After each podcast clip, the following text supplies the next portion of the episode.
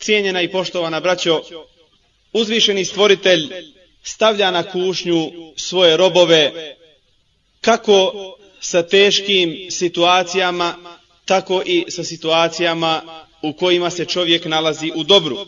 Uzvišeni stvoritelj daje čovjeku razna ovosvjetska dobra da ga iskuša i da ga provjeri da li će njegov rob biti zahvalan stvoritelju na darovima koje mu je podario, da li će izvršavati ono čime ga je zadužio njegov stvoritelj i u toj situaciji dobra, zdravlja i blagostanja osvjetskog, da kroz zahvalnost pokaže i prizna da su to u stvari samo darovi koje stvoritelj svjetova daje kome hoće od svojih robova.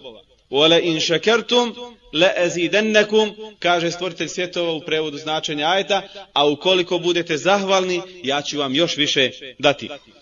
Teške situacije u kojima se nalaze ljudi na ovom svijetu su periodi iskušenja, periodi kušnje kada stvoritelj svjetova stavlja na ispit svoga roba da pokaže da li je spreman da se strpi i kao vjernik podnese situaciju u kojoj se nalazi. Onaj ko posmatra situaciju muslimana danas u svijetu primijetit će da su oni nažalost slabi, razjedinjeni, potlačeni, nevolje i problemi sustižu muslimane u kontinuitetu. Dok se završi na jednom području svijeta, eto ga otvara se novo žarište i isto kao da čeka da se završi jedan da bi onda nastupio drugi i to su žarišta koja nažalost danas pogađaju muslimane u čitavom svijetu. Kada god muslimani pokušaju da se usprave, dobiju udarac koji ih spriječi da dođu do željenog cilja i da upotpune onaj put kojim su pošli. Slabost muslimana u kojoj se nalaze danas uzrokovana je uticajem prije svega sa strane putem medija ideološkim ili idejnim ratom, ubacivanjem ideja koje su strane islamu i muslimanima, a sve je to uzrokovalo udaljavanje muslimana, i ovo je taj drugi uzrok slabosti, koji je doveo do ovakvog stanja, da su se muslimani udaljili od svoje vjere, da su napustili islamsko učenje primjenjivati u njegovoj cijelosti, jer jedino pridržavanjem sve jednog detalja i uzimanjem islama u cijelosti kao sistema života može dovesti do blagostanja, može dovesti do stanja u kome trebaju se nalaziti muslimani. Ovom slabošću muslimani danas imaju u svojim redovima izuzetno puno, ne samo onih koji su napustili vjeru, nego izuzetno puno licemjera koji se pretvaraju da su muslimani, a koji u biti rade protiv islama i protiv interesa muslimana i njihov život je sav ispunjen, nažalost, tom borbom.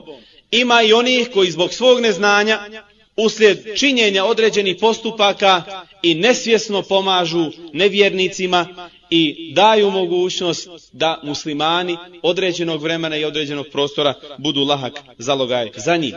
Sada se postavljaju cijenjena braćo opravdana pitanja. Kako izaći iz teške situacije u kojoj se nalazimo? Kako su poslanici upućivali svoj narod u teškim periodima iskušenja? Koje su naše greške? Kakva je uloga učenih ljudi i daja u ovom vremenu? Kako trebaju djelovati? Kakve se pouke i lekcije mogu uzeti iz svega onoga što doživljavamo na svojoj koži, a isto iz historije kada čitamo događaje koji su se dogodili ili pogotovo iz povijesti, dakle šta je sve uzrokovalo pobjedu, a šta su bili uzroci poraza. Draga braćo, primjetno je da ima veliki broj muslimana koji su udaljeni od islamskih principa ponašanja i koji u svom razmišljanju i ubjeđenju su daleko od izvornog islamskog učenja jer su otišli tako daleko da smatraju nevjernike superiornijima u odnosu na vjernike, uzimaju ih za prijatelje, a nažalost iskrene muslimane smatraju neprijateljima.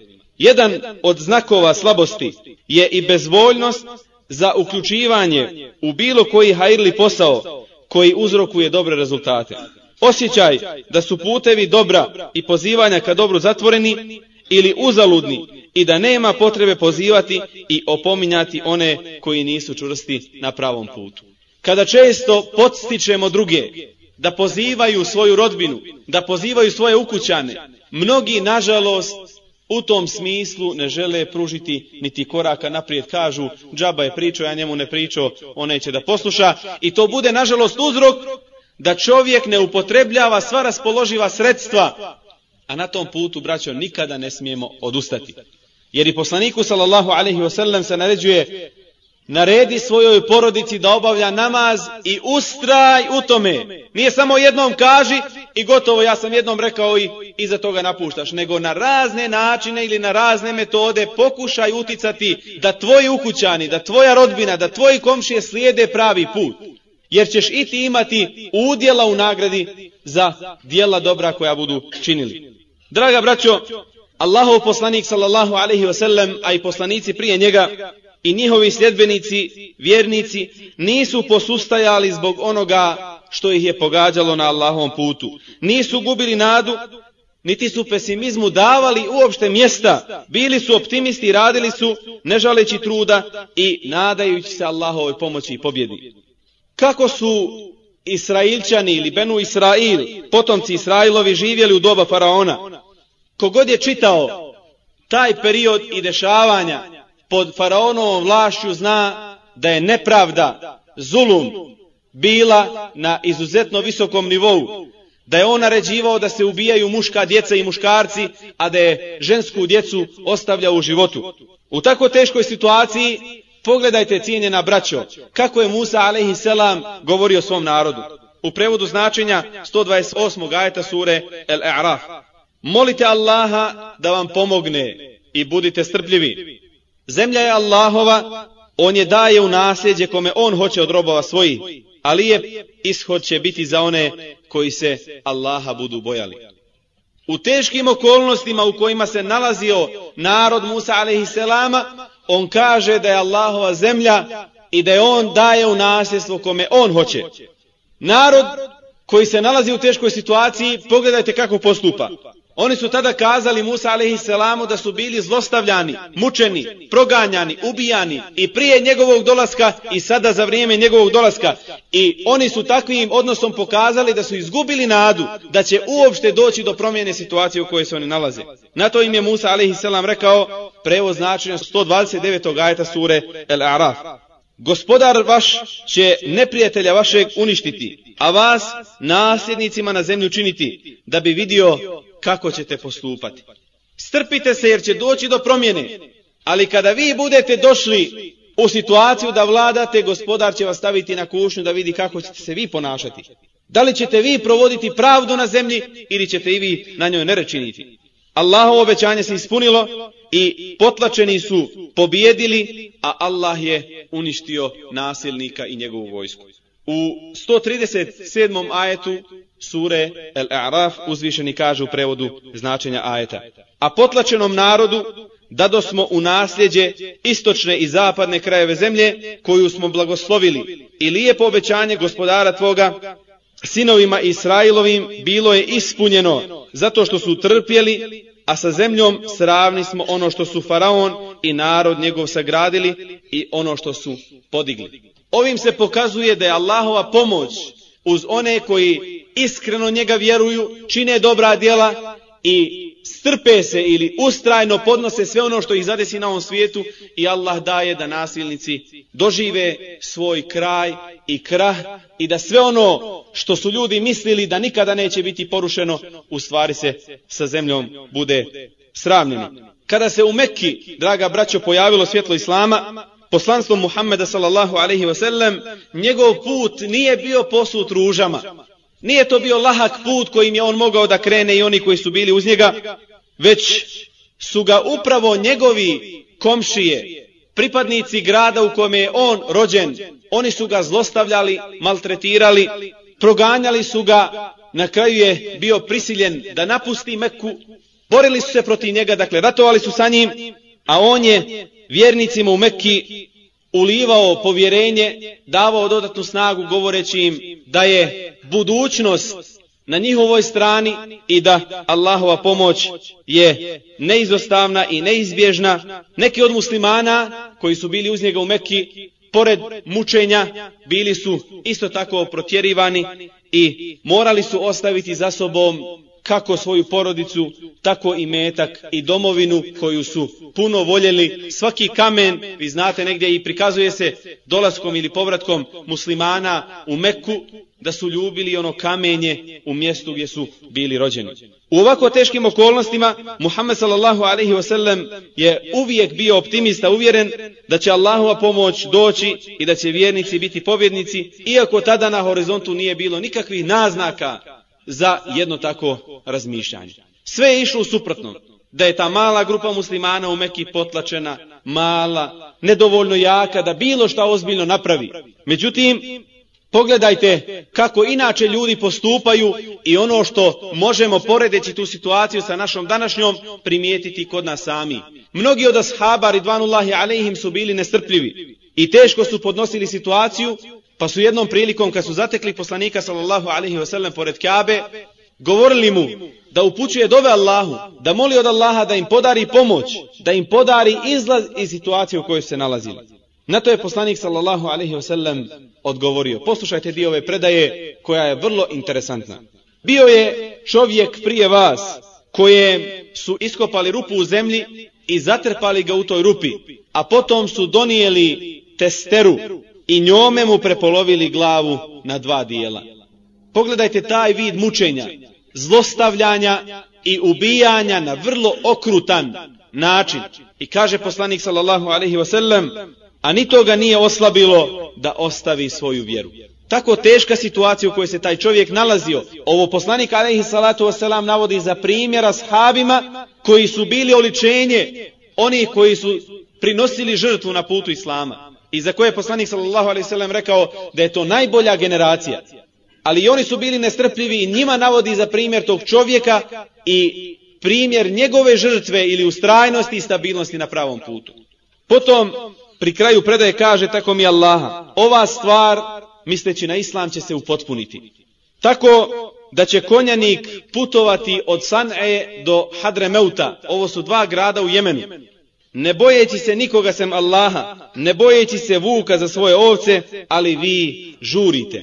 Ova predaja poslanika sallallahu alaihi wasallam nam govori koliko je čovjek nestrpljiv, koliko bismo i mi htjeli danas, kada čujemo da se negdje ugnjetavaju prava muslimana, mi bismo voljeli kada bi se danas mogla odmah situacija riješiti. Kada bi odmah danas mogli neprijatelji islama i muslimana biti poraženi. Međutim, do mnogih uspjeha je put dug i mukotrpan. Zalaganje i ulaganja trebaju biti velika. I ne može se jednostavno doći, kako kaže poslanik sallallahu alaihi wa sallam, وَلَكِنَّكُمْ تَسْتَعْجِلُونَ Ali vi žurite. Vi biste začas da dođete do nečega, znamo da bilo šta vrijedno u životu što čovjek želi da postigne, ne može za jeftine pare i ne može za kratko vrijeme doći do toga. Kaže uzvišeni stvoritelj, u prevodu značenja 214. ajeta sura El-Bekare. Zar vi mislite da ćete ući u džennet, a još niste iskusili ono što su iskusili oni koji su prije vas bili i nestali? Njih su satirale neimaština i bolest.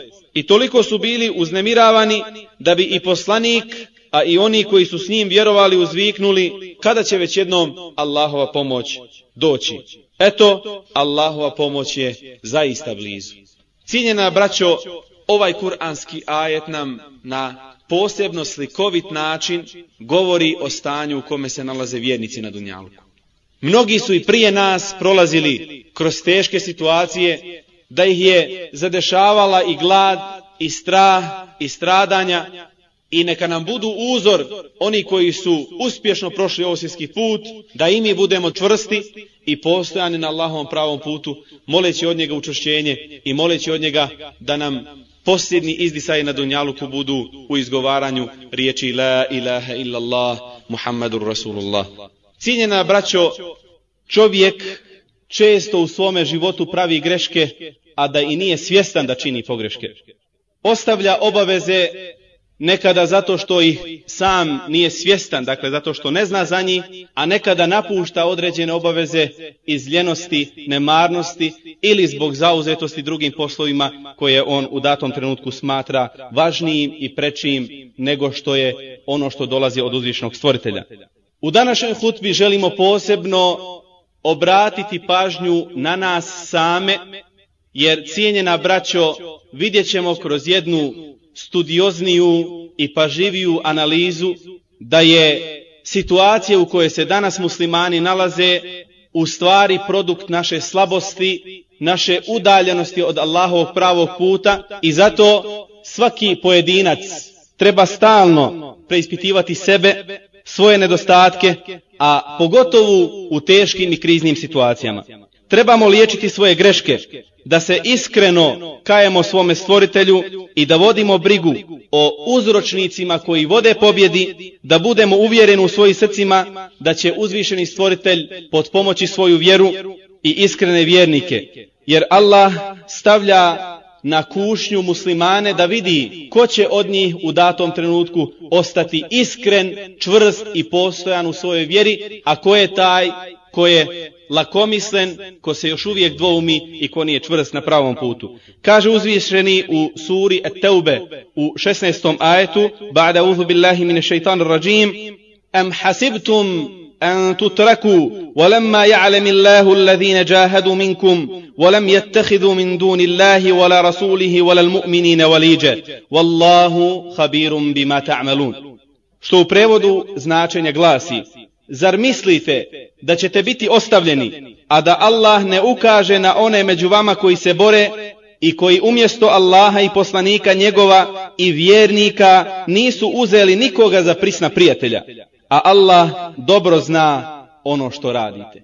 Neminovno je, braćo, da ćemo svi mi koji prihvatimo svojim srcima i pokazujemo svojim dijelima La ilaha illallah Muhammed Rasulullah. Da nema Boga sem Allaha i da je Muhammed sallallahu alaihi wasallam njegov poslanik da ćemo biti iskušani da ćemo biti stavljeni na ispit da pokažemo svojim dijelima i svojim postupcima da li doista istinu govorimo ili smo ne daj Bože prevrtljivi i ne daj Bože da to govorimo radi nekog ovosvjetskog interesa što u stvari nije naše dubinsko uvjerenje. Kada dođu teške situacije, mnogi su svjesni da pomoć dolazi jedino od uzvišenog stvoritelja. A kaže uzvišeni وَمَنْ نَصْرُ إِلَّا مِنْ عِنْدِ اللَّهِ الْعَزِيزِ الْحَكِيمِ A pobjeda dolazi samo od Allaha silnoga i mudroga. U ovom kuranskom ajetu je potvrda da u istinu izlaz iz poteškoća u koje vjernici zapadnu nalazi se kod uzvišenog stvoritelja. Ali isto tako na osnovu poslanstva poslanika sallallahu alaihi wasallam, na osnovu kuranskih uputa, vjernici znaju koje zakone je stvoritelj svjetova uspostavio na Dunjalu. I ukoliko ih se ljudi pridržavaju i poštuju zakone koje je stvoritelj svjetova uspostavio, da će s Allahovom pomoći izaći iz krizne situacije. Ukazat ćemo na određene detalje o kojima i tekako trebamo svi razmisliti i popravljati sebe i situaciju u kojoj se nalazimo. Mnoge ljude kada upozoravamo da se trebamo svi popravljati, oni kažu pa mi smo dobri, kakvi ima. A kaže uzvišeni stvoritelj, فَلَا تُزَكُوا anfusakum, هُوَ أَعْلَمُ بِمَنِ اتَّقَى Što u prevodu značenja glasi, ne hvališite se bezgrešnošću svojom, on dobro zna onoga koji se grijeha kloni. Niko od nas ne može biti bezgriješan, niko od nas, makoliko se trudio da u svome životu bude principijelan, ne može biti do te mjere da mu se ne dogode propusti, jer je čovjek po svojoj prirodi griješan. I zato, draga braćo, stalno trebamo raditi na odgoju samog sebe, prije nego što usmjerimo svoju pažnju i svoju energiju prema neprijatelju, važno je da čovjek prije svega pobjedi sebe, da pobjedi svoje strasti i nagone i sve one nedostatke koje može imati čovjek pri sebi. Trebamo sebe navikavati na pokornost uzvišenom stvoritelju, na ljubav i samilost prema muslimanima. Prije svega se pozabaviti sobom, to jest unutrašnjim neprijateljem, pa se tek onda posvetiti vanjskom neprijatelju.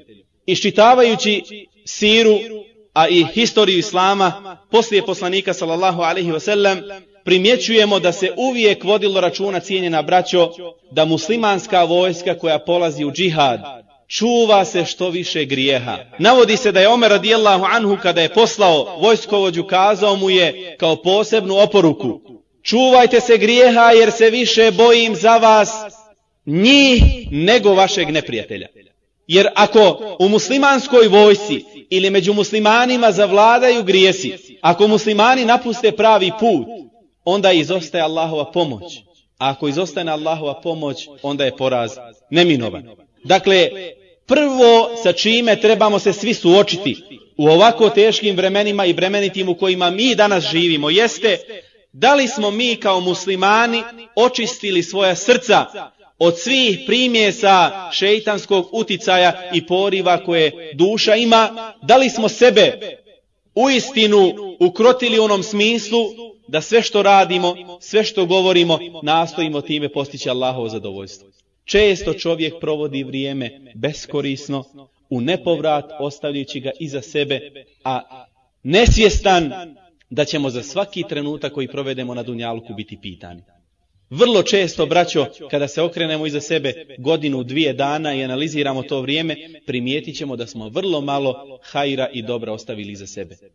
Čovjek pravi pogreške, ali ne bi trebao stalno jedne te iste. I zato se trebamo preispitivati, jer kaže stvorite svjetova, Ja ejuhallazine amenu, in tansurullaha jansurkum, wa yuthabbit aqdamakum. U suri Muhammed, u sedmom ajetu, u prevodu značenja kaže uzvišeni.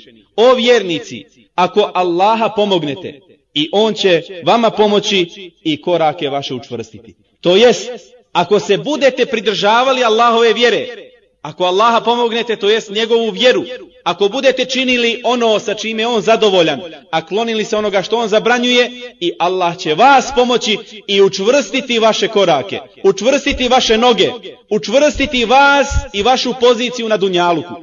A ako napustite Allahovu vjeru, sam zaključak iz kuranskog ajeta. Ako napustite i ne pomažete Allaha i njegovu vjeru, Allah vas neće pomoći i vaša pozicija na dunjaluku će biti nestabilna. Braćo, neka svako od nas razmisli zbog čega smo mi danas na Dunjaluku u ovakvom stanju i šta je dovelo do ovakve situacije u kojoj se nalazimo. Uzvišeni stvoritelj navodi divan primjer i kaže Minel mu'minina riđalun sadaku ma ahedu Allahe alejhi fa man qada nahbahu wa minhum man yantazir wa ma baddelu tabdila što u prevodu znači ima vjernika koji ispunjavaju zavjet dat Allahu a ima ih koji su poginuli i ima ih koji to očekuju nisu ništa izmijenili. Navodi se u jednoj sahih predaju u Buharinoj zbirci da jedan od ashaba koji je izostao iz bitke na Bedru zakleo se pred poslanikom sallallahu alaihi wasallam da će vidjeti Allah kako će se on odnositi prema mušicima u sljedećoj bitci u kojoj bude došlo do sukoba između muslimana i nemuslimana.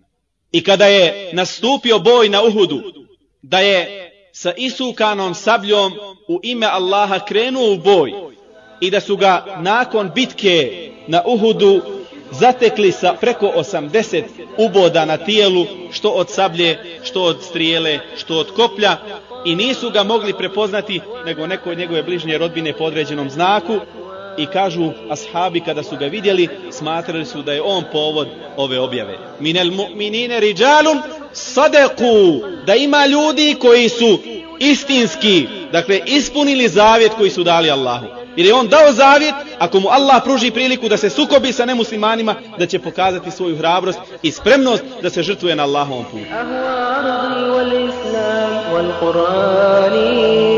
وسأنشد أحلى الألحان من وجدان أهوى أرضي والإسلام والقرآن وسأنشد أحلى الألحان من وجدان فأنا سور وأنا حسن للأوطان Braćo, dakle, kazali smo da neminovno ćemo biti stavljani na kušnju i naše vrijeme da pokažemo svoju vjeru je upravo ovo u kome mi sada živimo. Jer islamski ummet je prolazio kroz teške momente u svojoj povijesti. Sjetimo se samo, braćo, nakon preseljenja poslanika sallallahu alaihi wasallam, da su se pojavili mnogi lažni poslanici. Pa je trebalo to sve suzbiti i boriti se protiv njih. Da bi nakon toga jedna grupa kazala, mi nećemo davati zekijak.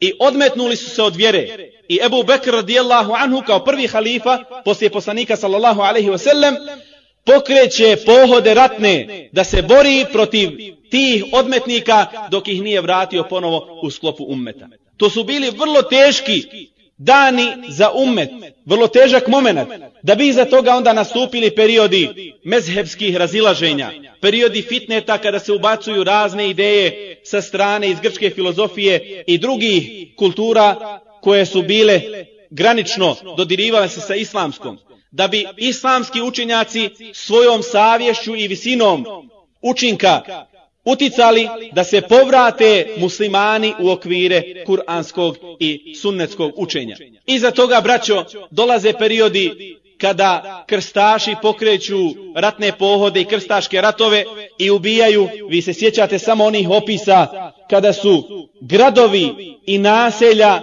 plivali u muslimanskoj krvi, kada su leševi bili razbacani na sve strane, kada je pogotovo Kuds, Jerusalem, bio prekriven leševima muslimanskim. Ali Allah dao da ponovo iza toga snaga sjemena u ovom smislu, dakle snaga islamske misli, potakne pojavu Salahuddin Ejubije, koji pokreće muslimane i oslobađa kuc i čisti ga od kafira. Iza toga sjećamo se kroz povijest nalet Tatara, historičar jedan opisuje stanje u kome su se nalazili muslimani tada. Kaže, od kad je stvorio Allah nebesa i zemlju, nije bilo goreg pokolja i ubijstva i uništavanja nego što su Tatari uradili muslimanima. To su, braćo, bili izuzetno teški momenti. Kada je na stotine hiljada muslimana ubijano sabljom, ručno, dnevno. To su teški momenti koje je valjalo preživjeti. Međutim, muslimani su ponovo se budili, ponovo poketali i s Allahovom pomoći ponovo dobijali snagu i moral, jer su stalno bili oni među njima učeni ljudi koji su podučeni kuranskim i sunnetskim učenjem obećavali i nagovještavali pobjedu koja čeka iskrene vjernike. Stoga svaki musliman bi trebao iz ovih događaja izvlačiti pouku za sebe čitati iz njih ono što se može primijeniti u našem današnjem vremenu i da nam se ne ponavljaju stalno greške koje plaćamo i te kako skupo. Draga braćo, pošto znamo šta se sve dešavalo našim prethodnicima i kako su prevazilazili probleme, kako su učenjaci bodrili narod i ulivali im nadu, na nama je da se okoristimo tim iskustvom, da popravljamo sebe, liječimo svoje bolesti i nedostatke, a izgrađujemo pozitivne osobine i navike. U teškim situacijama dolazi do jasnog razdvajanja između iskrenih vjernika i onih koji to nisu. Kaže uzvišeni Allah u suri Al-Ankebut u trećem ajetu. وَلَقَدْ فَتَنَّ الَّذِينَ مِنْ قَبْلِهِمْ فَلَيَعْلَمَنَّ اللَّهُ الَّذِينَ صَدَقُوا وَلَيَعْلَمَنَّ الْكَاذِبِينَ što u prevodu značenja glasi, a mi smo u iskušenje dovodili i one prije njih, da bi Allah sigurno ukazao na one koji govore istinu i na one koji lažu. Ma kane lillahi li jedhara al-mu'minina ala ma antum alejhi hatta jemiza al-habitha min at-tajib. Allah neće vjernike s licemjerima izmiješane ostaviti, već će loše od dobrih odvojiti. Stvorite svjetova daje ove teške momente da bi stavio na pravi ispit čvrstinu naše vjere. Jer cijenjena braćo, lahko je u dobru i blagostanju tvrditi za sebe da si musliman, ali nije lahko to u teškim okolnostima i vremenima. Sada svako od nas neka postavi sebi pitanje, da li su mu oči suzile, da li je plakao kada je učio dove uzvišenom stvoritelju da pomogne muslimanima u ovome što smo mi danas svjedoci što pamtimo. Što gledamo svojim očima preko televizijskih ekrana, što slušamo i čitamo u novinama i slušamo u medijima. U teškim situacijama, braćo, dolaze do izražaja i velike ličnosti. Tada stvorite svjetova pokazuje da ima ljudi koji su spremni i tada bodriti svoju braću u vjeri, podsticati ih na dobro, uticati na njih da ne posustanu, da ne izgube volju, elan, nadu, pogotovu strpljivost, jer je na ovom putu i tekako važno da čovjek vodi računa o onim zakonima o kojima smo govorili. Često se zna desiti pogreška kod nas muslimana, što bismo mi htjeli da za kratak period vrlo brzo dođemo do dobrih i drastičnih preokreta i rezultata. Cijenjena braćo, čovjek treba godinama ustrajno da radi, da planira, da dogovara, da izgrađuje, da uvezuje, da bi tek iza toga mogao se nadati određenom rezultatu. Žalosno je što većina muslimana danas hoće za kratak period da postigne veliki rezultat. Znamo da je poslanik sallallahu alaihi wasallam 13 godina provedenih u Mekki radio na izgradnji imanskoj s unutrašnje dakle strane one moralne i pogotovo što se tiče ubjeđenja i uvjerenja, da bi iza toga tek nastupio medijski period sa konkretnim zadacima, rezultatima. I isto tako, u našim periodima koje mi prolazimo, potrebno je i tekako da budemo ustrajni i svjesni da ne možemo do rezultata doći na brz način, pogotovo bez jake organizacije.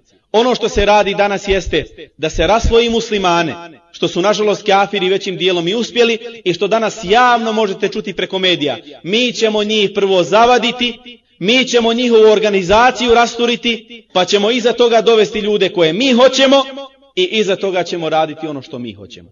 Ako muslimani budu podložni takvom nevjerničkom uticanju, naravno da će onda dolaziti do svađa među muslimanima, do mržnje među muslimanima, nesloge, što dovodi onda do slabosti u kojoj se nalazimo. Za kraj prve hutbe navešću vam još hadis poslanika sallallahu alaihi wasallam koji opisuje stanje vjernika. Pa neka svako sebe u ovom hadisu pokuša prepoznati. Kaže poslanik sallallahu alaihi wasallam Ađeben li amri l-mu'mini inna amrahu kulluhu khair. Čudan li je primjer vjernika? Ili divan li je primjer vjernika? Uvijek je njemu dobro. In asabethu serra'u šekere fe kane khairan lahu. Ako ga zadesi dobro, on zahvaljuje Allahu na tom dobru i bude mu dobro. Wa in asabethu darra'u sabere fe kane khairan lahu. Ako ga zadesi kakva nedaća, on se strpi na tome što ga je zadesilo i opet mu bude dobro. Walejse zalike li ahadin illa lil mu'min, a kaže poslanik sallallahu alaihi wasallam, a nikome nije tako nego mu'minu. To jest, ovako stanje samo kod iskreni vjernika. Ja molim Allaha da nas učini iskrenim vjernicima, a da od nas otkloni licemjerstvo. Cijenjena i poštovana braćo, današnja hutba ima kao poruku maksimu da vjernik u svakoj situaciji treba biti optimista, nadati se dobru, nadati se pomoći od uzvišenog stvoritelja, ali isto tako na tom putu vjernik je dužan da učini ono što je u njegovoj mogućnosti, jer uzvišeni stvoritelj ne opterećuje duše iznad njenih mogućnosti. Kada pogledamo iz sire poslanika sallallahu alaihi wasallam primijetit ćemo da je nakon svih pokušaja koje je upotrijebio u Mekke, da pozove stanovnike Mekke, pa je naišao na otpor, pa je išao u Taif da pozove stanovnike Taifa u Islam, pa isto tako naišao na odbijanje. Nakon toga, kada je njegov život i život ostalih ashaba u Mekki doveden u pitanje, poslanik sallallahu alaihi wasallam od stvoritelja svjetova dobiva dozvolu da učini hijđru. Čineći hijđru, poslanik alaihi salatu wasallam nije pobjegao nego je uzmakao jedan izvjestan period u području u kome će Islam pronaći plodno tlo, gdje će se proširiti i iza toga s Allahovom pomoći dvije godine nakon hidže muslimani se susreću na bedru i poražavaju neprijateljsku vojsku. To braćo nije dugo. Dvije godine, dakle nakon hidže, samo su protekle dvije godine do pobjede na bedru. Čineći hijđru, poslanik alihi salatu wasalam se oslanja na Allaha, ali vodi računa da sve zakone koje stvoritelj svijeta uspostavi u kosmosu ispoštuje. Pa je iznajmio zdravu jahalicu za puta. Uzeo je sa sobom vjernog prijatelja Ebu Bekra da ga prati. Uzeo je isto tako vodiče koji je dobro poznavao puteve. Pripremio je hranu za put i kada se sklonio u pećinu, neprijatelji su bili njima za petama i kaže Abu Bekr radijallahu anhu da su pogledali u svoje noge kako su prolazili pored te pećine gdje su oni sklonili, tako mi Allaha vidjeli bi nas u pećini. I Ebu Bekr radijallahu anhu se bojao za sebe i za poslanika sallallahu alaihi wasallam, a on mu odgovara šta misliš o Ebu Bekre o dvojici sa kojima je Allah treći. I iza toga kaže stvorite svjetova u prevodu značenja ajeta, a ako ga vi ne pomognete, Allah ga je pomogao kada su ga istjerali oni koji ne vjeruju i kada su njih dvojica bili u pećini, kada je rekao on prijatelju svome, la tahzen inna Allahe ma'na. Ne boj se, nemoj se žalostiti, Allah je sa nama. Dakle, kada poduzmeš, brate, sve što je u tvojoj moći, kada učiniš sve što ti Allah dao od pameti i mogućnosti, da se zaštitiš od utjecaja neprijatelja, onda se osloni na Allah. A ne znači to leć spavat i ako bi, bi, ako ne bi, ne bi. Nažalost, imam dojam da većina muslimana danas ne vodi računa o onome što je do njih. Jer stvorite svjetova kaže Inna Allahe la yugayiru ma bi qavmin hatta yugayiru ma bi anfusihim. Što u prevodu značenja glasi u istinu Allah neće izmijeniti stanje jednog naroda dok se taj narod sam ne izmijeni. Ako nam je stvorite svjetova poslao Kur'an, da nam bude ustav i uzor u našem životu. Potom nam je poslao Muhammeda sallallahu alaihi wasallam koji je bio živi Kur'an, Kur'an koji hoda, pokazao nam je svojim postupcima kako se muslimani trebaju ponašati, šta onda očekivati danas u situaciji kada dobar dio muslimana je daleko od tog puta koji je trasiran Kur'anom i sunnetom. Kako možemo očekivati plaću u preduzeću gdje ne radimo? Kako se možemo nadati nagradi od stvoritelja svjetova za nešto što nismo učinili? Stoga, braćo, postavlja se ovdje, to je izuzetno važno pitanje. Ono što danas pogađa muslimane u svijetu. Da li je to samo produkt toga što su se nevjernici okomili na nas ili je produkt naše razjedinjenosti, slabosti u vjeri i mogućnosti koju pružamo kjafirima da na nas vrše pritisak i uticaj, da nas kolju, protjeruju, ubijaju i rade od nas šta god hoće. Jer nažalost danas imate puno muslimana koji kažu ništa od nas nema. Kjafiri su puno nadmoćniji, imaju više naoružanja, gotovo, gdje god da krenemo, sve nam je zatvoreno. Imate ljudi koji sve vide crno.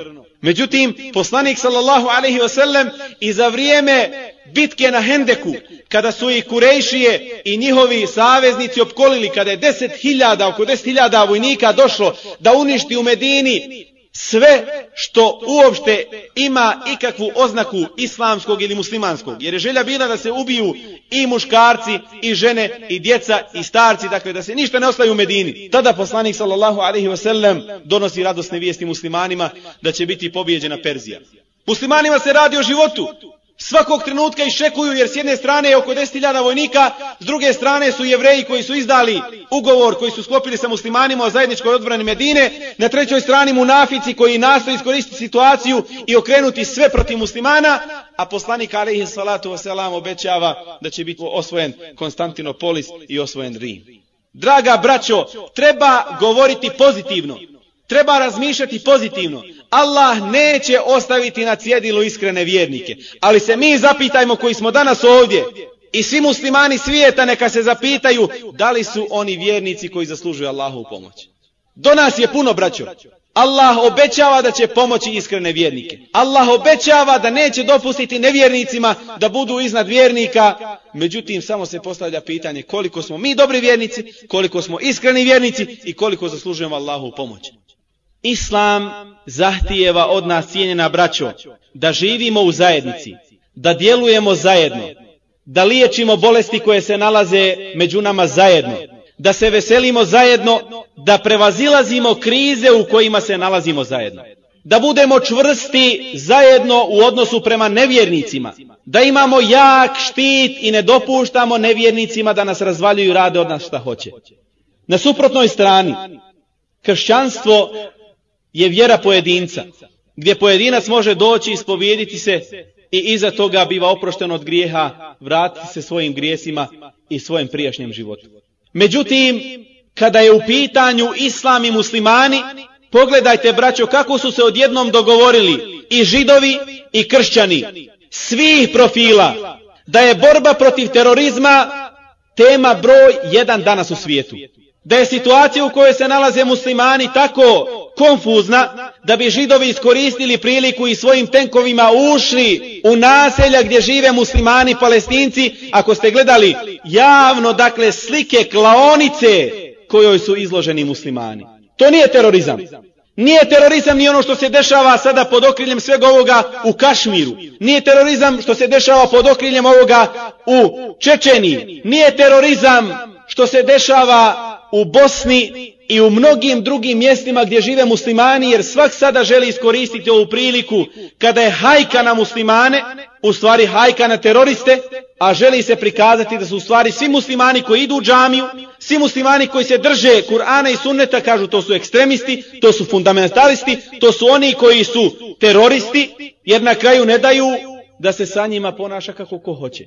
Međutim, oni su jedino zadovoljni sa muslimanima koji pognu svoju glavu i poslušno slušaju naredbe njihove i izvršavaju ono što im se naredi. Jer kako kaže stvorite svjetova, a govor uzvišenog Allaha je vječan, nepromjenljiv do sudnjeg dana, وَلَنْ تَرْضَا عَنْكَ الْيَهُودُ وَلَنْ نَسَارَ حَتَّى تَتَّبِعَ مِلَّتَهُمْ I neće biti zadovoljni sa tobom, niti židovi, niti kršćani, dok ne budeš slijedio njihovu vjeru. Njihov put, njihov pravac, njihovo ponašanje. A šta se dana želi, vraću? Žele da čitav svijet bude na kalup zapada. Da svi nose odjeću kako oni nose, da svi prave restorani kakve oni prave, da se svi ponašaju u prevedenom smislu, drogiraju, slušaju muziku, rade i ponašaju u kompletnom svome životu onako kako se oni ponašaju. Jer šeitan, Allah ga prokleo i njegova vojska, neće mirovati do sudnjeg dana, jer je tražio dozvolu šeitan. A ovo su njegovi vojnici na Dunjaluku. Da mu dozvoli Allah da do sudnjeg dana zavodi ljudski rod. I kaže na kraju šeitan, malo ćeš od njih naći sebi zahvalni. Da će tebi Allahu biti pokorni i zahvalni. I u istinu danas kad pogledamo stanje, upravo je sada ta borba i želja da se uništi u muslimanima i ona tanka nit imana koja je ostala, da im se ubace zapadne ideje i vi pogledajte šta su nam u Bosnu donijeli. Umjesto da naša omladina bavi se prosperitetom, da naša omladina nauči rukovanje savremenom tehnikom, proizvodnjom koja će unaprijediti našu ekonomiju, ustabiliti našu zemlju, Ne, oni su nam ovdje donijeli prostituciju, jer javne kuće otvaraju se i rastu kao pečurke poslije kiše. Donijeli su nam drogu, donijeli su nam homoseksualizam i na kraju dozvola u zakonu biva da smo mi napredna i kulturna zemlja da se dozvoli u Bosni i Hercegovini brak između parova istog pola. Zar je to, braćo, budućnost? Allahovi zakoni se ne mijenjaju do sudnjeg dana. I kogod misli da može zimi hodati lahko obučen, taj će se smrznuti. Kogod misli da će sreću naći na dunjaluku mimo Allahova puta, taj će sigurno na propasti biti. I stoga, braćo, osvijestimo se. Nastojimo prvo sebe popravljati. Gledajmo da li obavljamo sve namaze na vrijeme. Da li obavljamo namaz u džematu. Da li učimo dnevno Kur'an. Da li podučavamo svoju familiju vrednotama naše vjere. Da li nastojim uticati na svoje komšine, na svoju porodicu, da ostavljaju alkohol, razvratan život i sve ono što šteti i uništava zdravo muslimansko biće? Da li nastojimo upućivati dove Allahu da popravi naše stanje nabolje i da popravi stanje muslimana u čitavom svijetu nabolje? Razmišljajmo, braćo, jer popravljajući sebe kao jedinku, inša Allah popravljamo čitav ummet popravljamo čitav ummet na zemaljskoj kugli i neminovno iza toga da će doći do poboljšanja stanja i da više nevjernici neće moći raditi od muslimana ono što danas rade. Molim Allaha da popravi stanje muslimana u Afganistanu, u Palestini, u Čečeni i na čitavom svijetu, da nam podari iskrenu vjeru, da oprosti naše grijehe i pogreške, namjerne i nenamjerne, i da promijeni naše stanje na bolje. Allahumma hdina fi men hedejt, wa afina fi men afejt, وتولنا فيمن توليت وبارك لنا فيما أعطيت وقنا واصرف عنا برحمتك شر ما قضيت. إنك تقضي ولا يقضى عليك إنه لا يذل من واليت ولا عز من عاديت. تباركت ربنا وتعاليت نستغفرك من جميع الذنوب والخطايا ونتوب إليك. لا ملجأ ولا منجأ منك إلا إليك. اللهم اعز الإسلام والمسلمين اللهم اعز الإسلام وذل المشركين. اللهم انصر المجاهدين الذين يجاهدون في سبيلك في كل مكان يا رب العالمين. اللهم من أراد الإسلام والمسلمين بسوء فأشغله بنفسه ورد كيده في نحره.